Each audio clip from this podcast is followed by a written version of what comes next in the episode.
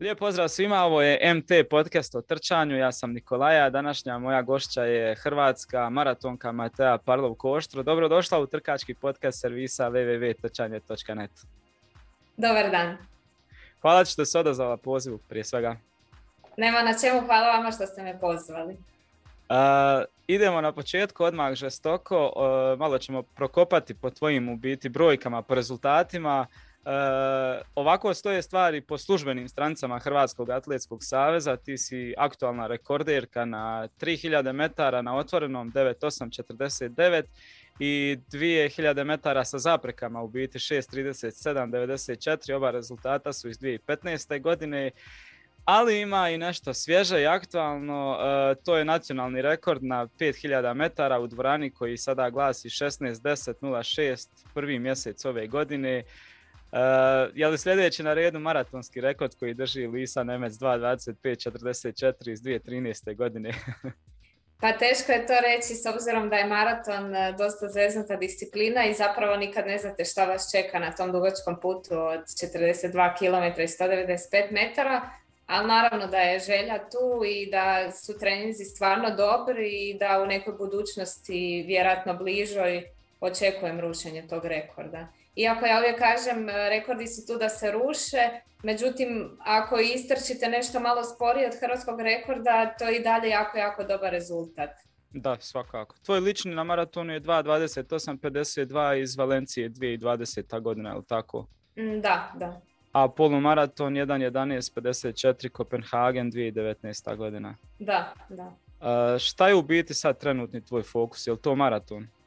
Pa trenutni fokus je maraton, e, sve ostale utrke odrađujem kao trening i pripremu zapravo za maratonsku utrku, tako da često puta e, na prvenstvo Hrvatske dođem jako, jako umorna i hm. ovaj, e, zato što su mi noge pune kilometara od prethodnih treninga i naravno da mi je uvijek lakše na utrci odraditi neki jači tempo trening nego sama na treningu, tako da evo, sve te utrke u Hrvatskoj zapravo koristim kao trening.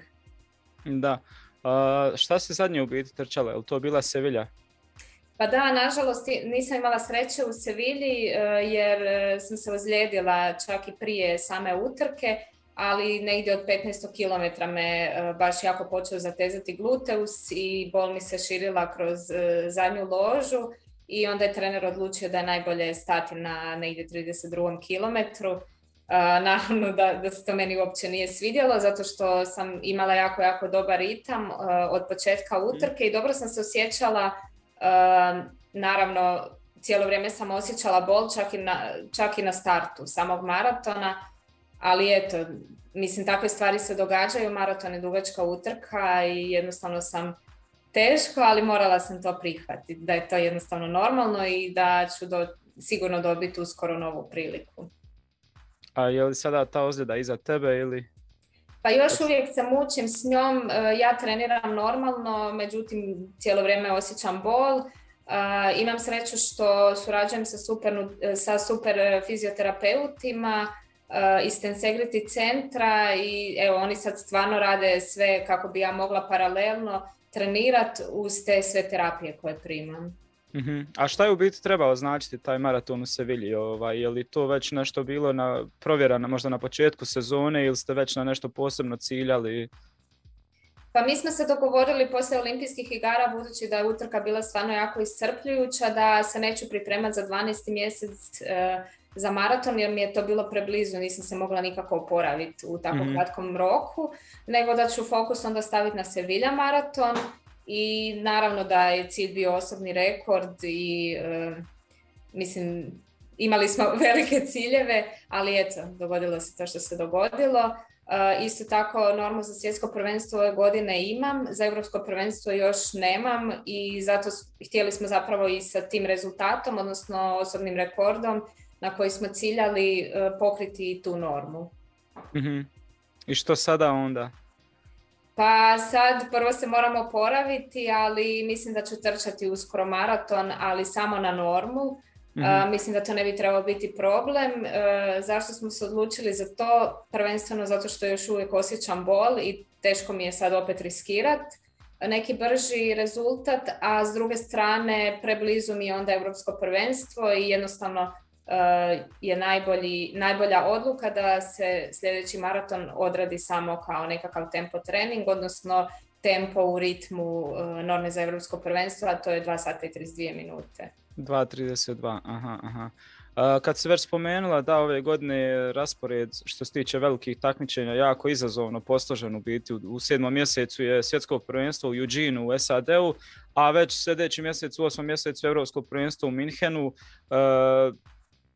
u, biti, je li tvoj centralni fokus možda bio prije svega na europsko prvenstvo, pošto naravno tu je ono konkurencija malo, kako da kažem, slabija, nema u biti ima naturalizirane afričke trkačica, opet nađe se poneka, ali opet ono to je i sada znači slijedi e, borba za to, ono, je li to bio fokus ili pa je, e, mislim, pričala sam s trenerom već nakon olimpijskih igara o toj situaciji Eh, sa velikim natjecanjima i već smo tad odlučili se za europsko prvenstvo. Prvenstveno jer je puno bliže eh, nego eh, održavanje, odnosno nego mjesto gdje se održava svjetsko prvenstvo u Juđinu i mislim konkurencija će biti ogromna.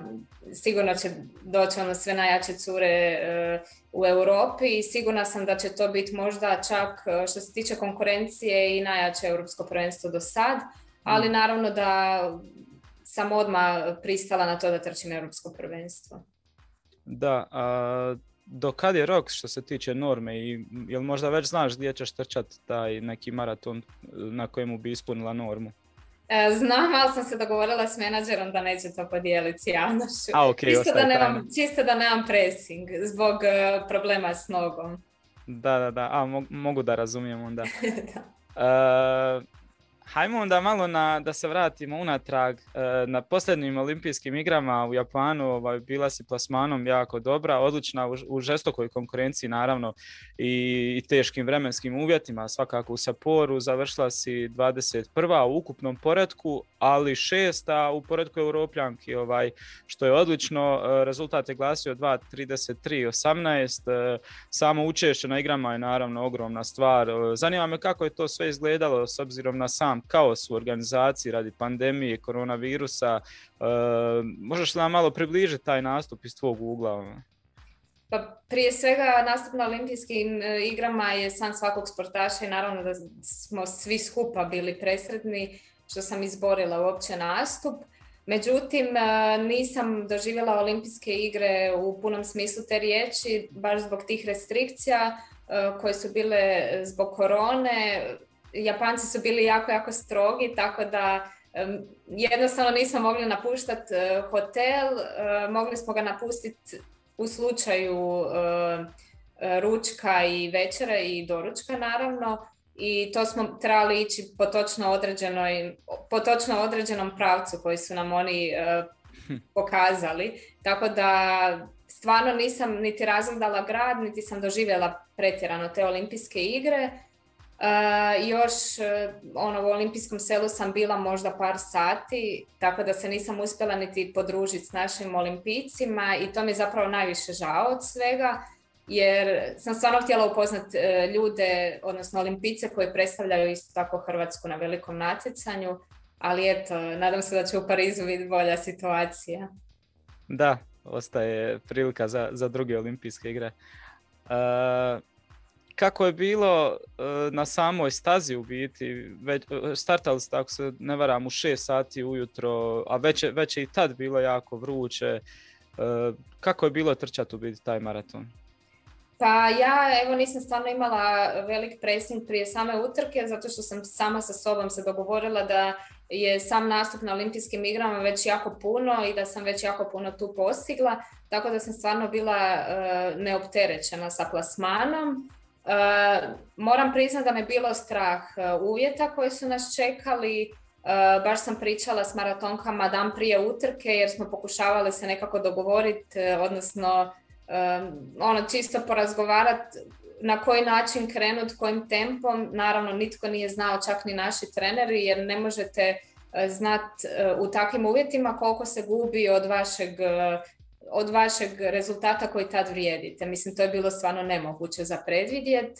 Tako da sam i startala utrku malo e, rezervirano i onda kad sam shvatila na pola utrke da stvarno e, prestižem jako velik broj trkačica, e, jedna Njemica je trčala sa mnom, ono, baš mi je ona iskomentirala joj pa gle, koliko smo cura prestigla i onda smo se na taj način nekako bodrile, dijelile Eh, okrepu, dijelile smo led, eh, ono, baš je bio nekakav timski rad bez obzira što je maraton eh, individualan sport.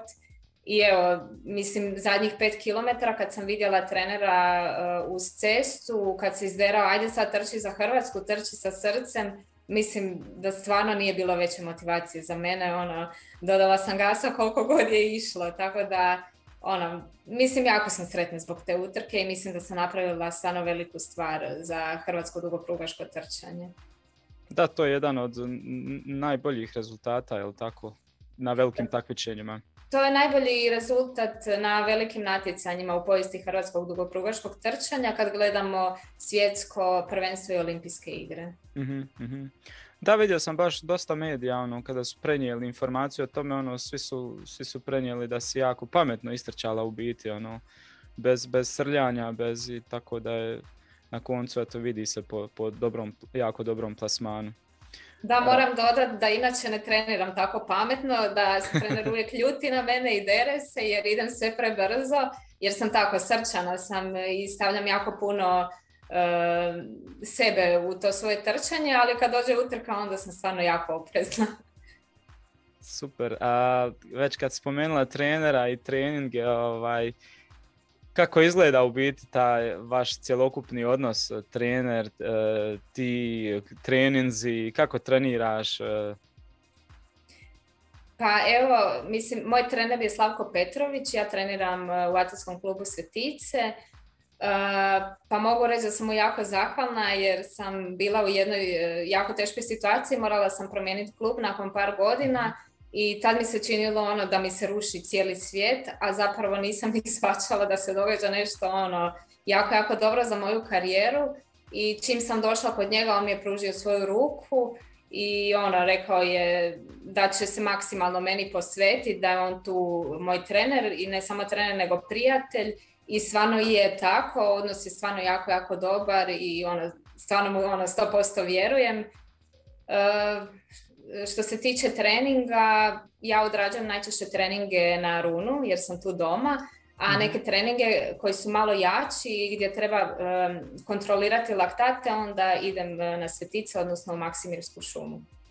mm Uh, ajde u biti da se malo vratimo skroz onaj natrag.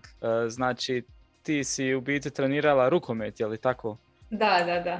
I onda šta se desilo? E, negdje si trčala za školu ili nešto i onda e, neka je trenerica ili netko je upratio da, da, da imaš neki talenat i kao ono dođi na trening da vidimo, jel? Vidim da si se baš dobro pripremio za podcast, tako da svaka čast. E, pa da, ja sam trenirala od drugog razreda osnovne škole rukomet i to mi je prva ljubav. Eh, uvijek sam se isticala po toj nekakvoj aerobnoj sposobnosti, uvijek sam bila eh, najbrža, najizražljivija i kad smo igrali čovjek čovjeka, eh, niko nije htio mene čuvati jer ono, žalili se treneri, pa sad je tu, sad je tamo, ne može me uopće uhvatiti.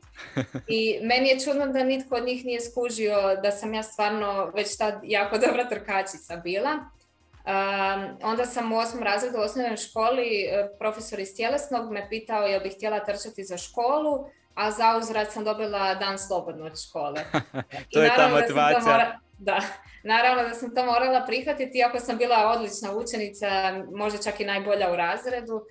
E, trčala sam utrku od 600 metara u teškim rukometnim tenisicama, bila sam treća u toj utrci, dvije prve cure su bile atletičarke.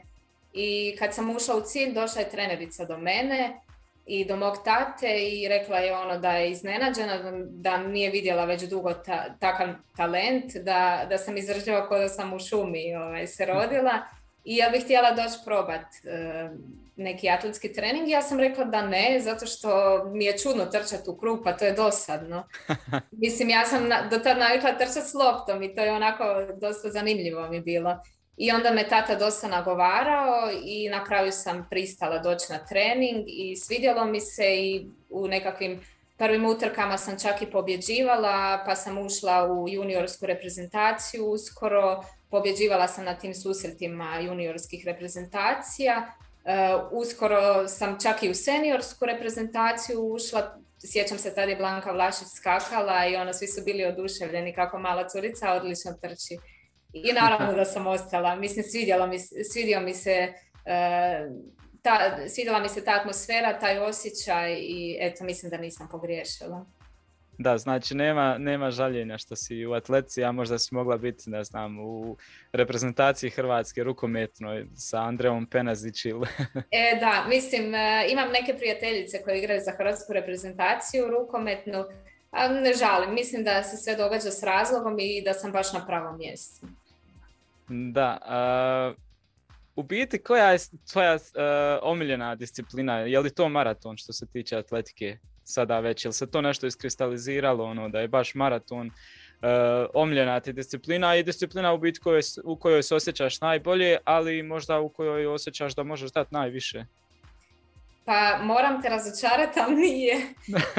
Još uvijek nisam nekako zavoljala 100% maraton, mhm. vjerojatno zato što nemam puno maratona u nogama, e, nisam niti jedan maraton do sad trčala ono na maks da od početka idem jako, jako brzo jer je takav bio dogovor s trenerom i evo stvarno ne mogu reći da ga 100% volim, vjerojatno ću ga zavoliti kroz neko vrijeme, ali pa najdraža disciplina mi je ja sam dugo godina trčala 1500 i 3000 metara i tu, tu, mi je, baš sam se dobro osjećala na tim e, distancama, međutim 3000 metara nije olimpijska disciplina i onda mi je, e, to mi je zapravo prvo rekao trener e, kad sam došla kod njega u klub koju bih htjela trčati disciplinu, ja sam odmah rekla pa 3000 metara, onda mi je rekao pa dobro jel ti kužiš da to nije olimpijska disciplina i onda sam si ono malo razmislila, gle stvarno, zašto se spremam za tricu, ako je olimpijska disciplina 5000 metara. A što se tiče trenera, eh, on smatra da bi ja možda najbolja bila na 10 eh, km i polu maratonu. Eh, zato što ja nisam klasična maratonka jer onako dosta sam živahna i brza, hmm. ali mislim da mogu jako, jako kvalitetno trčati maraton, a onda naravno iz tih maratonskih treninga, ako mi se poklopi nekakva brza utrka, onda mogu super trčati i 10.000 metara i polumaraton. Mislim da to jedno drugo veže, samo što e, nažalost zbog ove pandemije i otkazivanja utrka nisam još imala priliku prije maratona odraditi e, 10 km i polumaraton, da su baš jake i kvalitetne utrke. A nadam se da će uskoro, da će malo sreća poslužiti. Pa mislim da hoće, ovo sve se sad već pomalo otvara i tako. Ovaj. Uh, koliko u biti imaš maratona istrčanih? E, pa prvi maraton mi je bio u Berlinu 2018. Onda sam trčala 2019. Sevilla maraton i Dohu e, gdje sam nažalost morala stat jer sam završila na infuziji zbog e, uvjeta koji su bili stvarno jako, jako teški. Nakon toga sam trčala Valencija maraton, ali sam to išla samo na normu za olimpijske igre, znači ni taj maraton nisam išla na 100%, isto zbog pandemije jer bi previše riskirali ono, ta Valencija je zapravo bio zadnji maraton u 12. mjesecu kad sam trebala već ispuniti normu za olimpijske igre. E, zatim su bile olimpijske igre u kojima su uvjeti bili stvarno strašni i bilo je teško trčati osobni rekord, ja bih čak rekla i nemoguće. I evo sad ova Sevilja s kojom uopće nisam sretna, ali eto dogodila se jer se morala dogoditi. A, dobro, to je baš ono, onako veliki skok u biti kad, kad, kad malo bolje razmislimo sa, sa trice na, na maraton. Ono. Kako, kako ste ono kako ste to prošli u biti taj period on, prilagodbe i odjednom sa trice sa potpuno nekih drugačijih treninga ono prelaziš na, na nešto sasvim drugo na maraton na, e, na jednu dugu ali tešku patnju sa ove kratke patnje Pa je, pa bilo je dosta um, neobično, zato što nisam nikad radila tako dugačke treninge, e, navikla sam sve raditi na nekakvom maksimumu, samo nekoliko dionica i to je onda nekako lakše bilo nego se patiti e, ono 10-15 km. Tako da, ono, trebala sam promijeniti sklop, u glavi, e, totalno promijeniti treninge, način prehrane, Eh, tad sam već počela trenirati dva puta dnevno, prije toga sam samo jedan put dnevno trenirala zbog eh, fakultetskih obaveza i jednostavno sve mi se promijenilo, cijeli život eh, mi se promijenio, totalno sam promijenila fokus koji je sad naravno samo na trčanju, a sve ostalo je sporedno i to je to zapravo. E, trener je skužio već nakon par treninga da mi tijelo jako dobro reagira na tu promjenu i da se treninzi jako, jako dobro primaju. I baš sad kad sam radila e, pripreme za Sevilla maraton je trener u jednom trenutku rekao čovječe, mislim da nakon ovih olimpijskih igara da si totalno sazrela za maraton jer nekako sam promijenila totalno razmišljanje, ništa mi više nije teško pa čak niti umirat. Da, zapravo najveći problem mi je bio naučiti umirat na tim dugačkim distancama. Jer sam ja, kad sam trčala srednje pruge, nisam se natjecala u jakoj konkurenciji i zapravo sam svaku utrku trčala na ritam i onda zadnjih 400 metara finiš. Hm. Tako da nije baš neka sreća. Morate se naučiti patiti. To je jednostavno neizbježno ako želite trčati duge pruge. Znači dobro ide ta transformacija i već je ono pri kraju što se tiče pa potpuno mislim da je. Mislim da sam stvarno zrela sad za maraton i ono, samo čekam dobru priliku.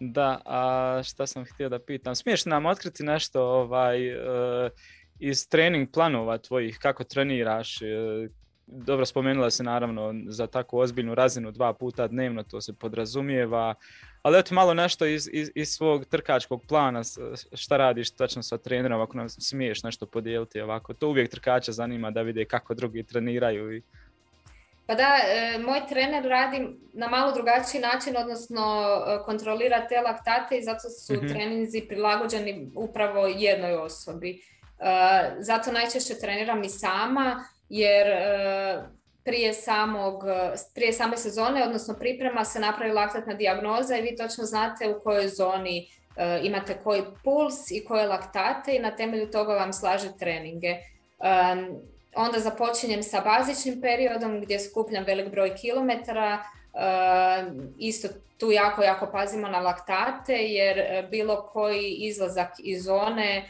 vam diže formu i ako se naravno prebrzo digne forma, prerano nećete biti e, na 100% na utrci koju planirate trčati. Naravno da. isto prije početka sezone važno dogovoriti za koje utrke se 100% spremate, a koje utrke ćete odraditi kao pripremu za utrke koje su vam cilj i na taj način funkcioniramo. Ne znam, u bazi radim jako puno kilometara, radim dugačke dionice, tu ne radim nikakve kratke brze dionice, radim puno e, trčanja po brdu dugačkog. Nakon toga naravno smanjujem e, obim, povećavam intenzitet, e, tu onda krećem raditi i kraće brdo i malo brže dionice i to je to zapravo.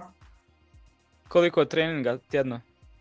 Pa svaki dan treniram, e, četiri dana u tjednu imam po dva treninga, sve ostalo po jedan trening. E, u bazičnom periodu spajam tri tjedna pa tjedan dana lakših treninga, mhm. a kako se približava utrka onda imam dva jaka e, bloka treninga, odnosno dva tjedna jakih treninga i onda par dana nešto lakše pa onda nastavljam. Jel to znači u biti svaki dan treniraš, jel to znači da odmaraš kroz neke lakše treninge za, koji su prilagođeni tako za, za oporavak ili bez pa odmora da, u biti? Da, kroz nekakva rastrčavanja, ali ono što želimo postići u tom bazičnom periodu je ta težina nogu, e, gomilanje kilometara i to sve zapravo simulira umor e, na maratonu koji se mhm. javlja, te teške noge, onda morate iz, iz umora odraditi nekakav jači trening i na taj način zapravo simuliramo. To se zove e, prepokrivanje u treningu. Mhm, mhm, to je jako zanimljivo. O kojoj se kilometraži onda to radi sedmično, mjesečno otprilike? Pa tjedno pretrčavam u bazičnom periodu oko 170 km, e, međutim ima jedan specifičan tjedan prije maratona e, gdje se skuplja jako velik broj kilometara. Ja moram naglasiti da onda ne radim ništa prebrzo, nego je cilj samo umoriti noge i tu skupim preko 190 km, čak nekad zna biti 200. Mhm. što se tiče priprema, vidio sam da si bila u Portugalu ili tako prije ovog e, rekorda na, pet, na petici u, u dvorani. E, kako ide što se tiče toga, evo odmah da se okrenemo na onaj malo teži mučni dio što se tiče e, financiranja, treniraš sad već i dva puta dnevno, je li, radiš ili se, ili se fokusira na E, samo na, na, na, trčanje, dakle ono, ne možeš ni, ni raditi, ne možeš imati stalni posao ili kako se financiraš u biti, pošto sam vidio da nakon olimpijskih igara i dobrog rezultata slijedio ti je šok, izgubila si stipendiju od, olimpijskog komiteta ili tako. E, s obzirom na to da, da su e, skupa je oprema, skupe su pripreme, treba otići negdje, ovaj, kako, kako to sve pokrivaš u biti, kako izgleda taj cijeli tvoj dio? Pa to, je zapravo jako bolna tema za mene. Ehm, ja sam naravno mislila ako se kvalificiram za olimpijske igre da će se nešto promijeniti. Međutim, nije se promijenilo. Onda sam mislila mm. ako dobro nastupim na olimpijskim igrama pa sigurno će uletiti nekakav jači sponzor koji će mi malo pomoć ehm, da sve to nekako lakše podnosim. Međutim, ni to se nije dogodilo. Ostala sam i bez stipendije Eh, jer je pravilo Hrvatskog olimpijskog odbora da samo eh, oni sportaši koji osvoje medalju na olimpijskim igrama nastavljaju dobivati stipendiju. Mi ostali svi smo naravno ostali bez stipendije. Eh, ne želim uopće govoriti koja su mi primanja bila u tom trenutku jer mislim to je neshvatljivo totalno i naravno da sam bila i ljuta i razočarana, ne na ljude direktno iz olimpijskog, nego na taj sustav koji je godinama takav kakav je. Ja nisam prva koja se to dogodilo i ljuta sam zato što se taj sustav e, ne mijenja i nažalost nikog nije briga. Možda, sad zvučim e, jako strogo i nemilosrdno, ali kakva je situacija. E, raditi je jako teško sa dva treninga dnevno. Ja ne znam stvarno kakav posao bi ja trebala imat da mogu dva puta dnevno tako dugačke treninge odrađivat. ja sam inače magistra kineziologije i onda najčešće odrađujem treninge sa rekreativcima ili e, malim sportašima i to su individualni treninzi i to mi oduzima doslovno sat vremena jedan put jedno.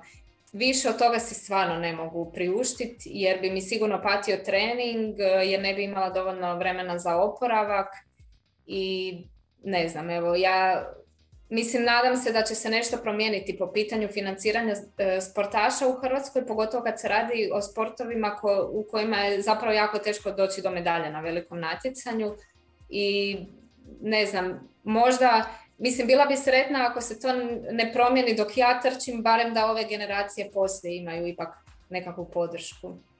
Da, dosta je nepravedno tako ovaj, e, sve pod jednu liniju, ovaj, sve sportove i baš je nezahvalno. Nadam se da će se baš tako, e, nešto po tom pitanju baš promijeniti. Ovaj. sam, ja sam baš... Aha, da, ja sam često u kontaktu sa curama iz drugih europskih zemalja, odnosno s maratonkama i kad vidim na koji način oni žive, koliko imaju sponzora i kako imaju podršku, mislim to je stvarno nebo i zemlja. One se, one se meni čude, par njih mi je poslalo kao jesi dobila sad nekakve bolje uvjete nakon olimpijskih igara i tog sjajnog plasmana. Ja sam rekla ne, čak sam ostala i bez stipendije. I naravno da je onda teško organizirati pripreme, ja nikad nisam u hotelu na pripremama zato što je to nemoguće odraditi, pogotovo ako ako idem na pripreme, a moram ići e, jedan puta e, u zimskom periodu u Portugal, a jedan puta onda u ljetnom periodu e, talijanske Livinjo. I na pripremama sam u apartmanu gdje si sama kuham i na taj način štedimo dosta. A sad zamislite da sam po hotelima, mislim ja ne znam kako bi, to, kako bi si to priuštila. Sigurno ne iz ovog budžeta koji sam dobila. Da, a Znači, Portugal i Italija su tvoje destinacije, ova Afrika? Za pa, sad ne. Pa, pa za sad ne, ne. Jednostavno nisam, nisam za to, imam nekakve ovaj, svoje principe i ono, znam nekakve priče koje kruže tamo i jednostavno da ne ulazim u detalje ne želim biti dio toga. Mhm. Dobro, uh... Šta sam još htio da te pitam? E,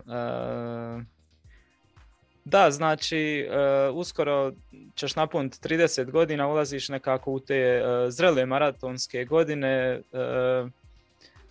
U biti, je li u, u nekom možda, hajde da kažemo, petogodišnjem planu, na, maraton i dalje ostaje tvoja primarna disciplina, nešto gdje se najbolje možeš još ono, trkački ostvariti u budućnosti, ili će opet biti možda nekad nakon nekog perioda nekakav rezime, pa ono, ok, idemo sad nešto probat malo drugačije ili...